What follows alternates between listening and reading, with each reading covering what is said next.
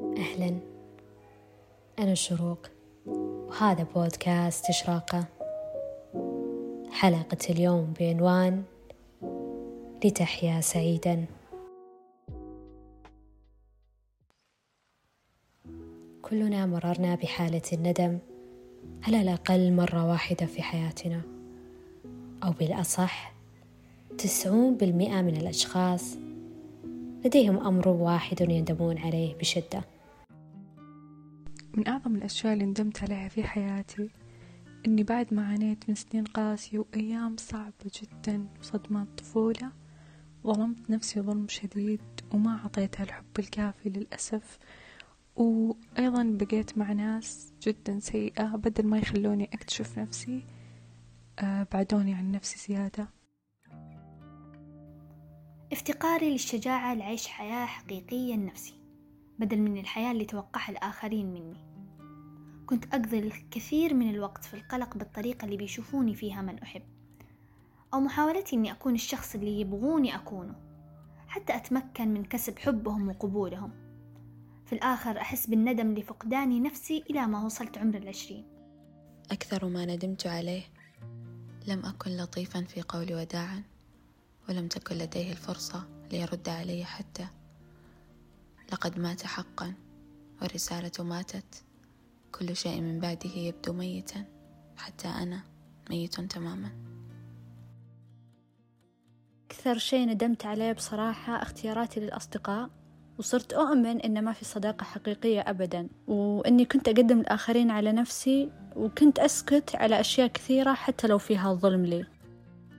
أكثر شيء ندمت عليه في حياتي إنه ضيعت وقت مرة كثير من عمري بدون لا أستغل وقتي صح.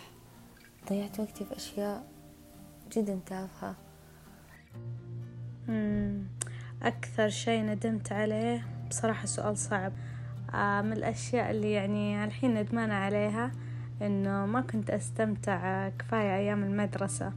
كنت شادة حيلي بزيادة يعني باختصار دافورة فكنت مرة يعني الطالبة المثالية وأحب أكون بهذا بهذه النظرة آه لنفسي وعند الآخرين ليش ندمت؟ ندمت لأنه الظروف ما سمحت لي أكمل الجامعة لأنه كان طموحي أكمل وبالتحديد أكمل طب فما صارت لي أصلا الجامعة من أساسها ولا استمتعت أيام المدرسة لأنها أيام ما تتفوت. هالشي علمني أني أكون متوازنة بحياتي. يعني لا إفراط ولا تفريط. كيف نعرف شعورنا بالندم؟ حسب خارطة المشاعر الندم هو حالة من الحزن نتيجة عن اقترافنا خطأ معين أو كما يعرفه مانفورد كيتس هو الطريقة التي تخبرنا بها أدمغتنا بإعادة التفكير في حياتنا كيف يمكننا السيطرة على حدة ندمنا؟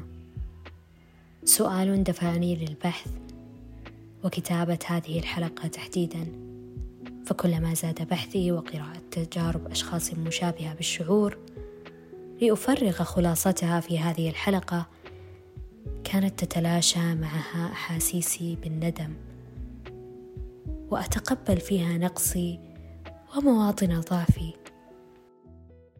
قال الرسول صلى الله عليه وسلم والذي نفسي بيده لو لم تذنبوا لذهب الله بكم وجاء بقوم يذنبون فيستغفرون الله فيغفر لهم.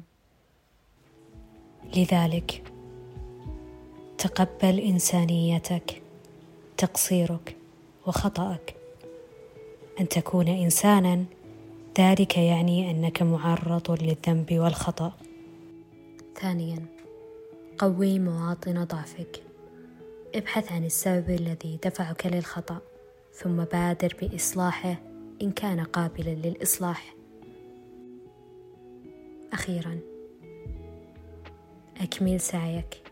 لا زال لقصتك بقية أو كما يقال لولا الخطأ ما أشرق نور الصواب. كونوا دائما مشرقين. يومكم سعيد.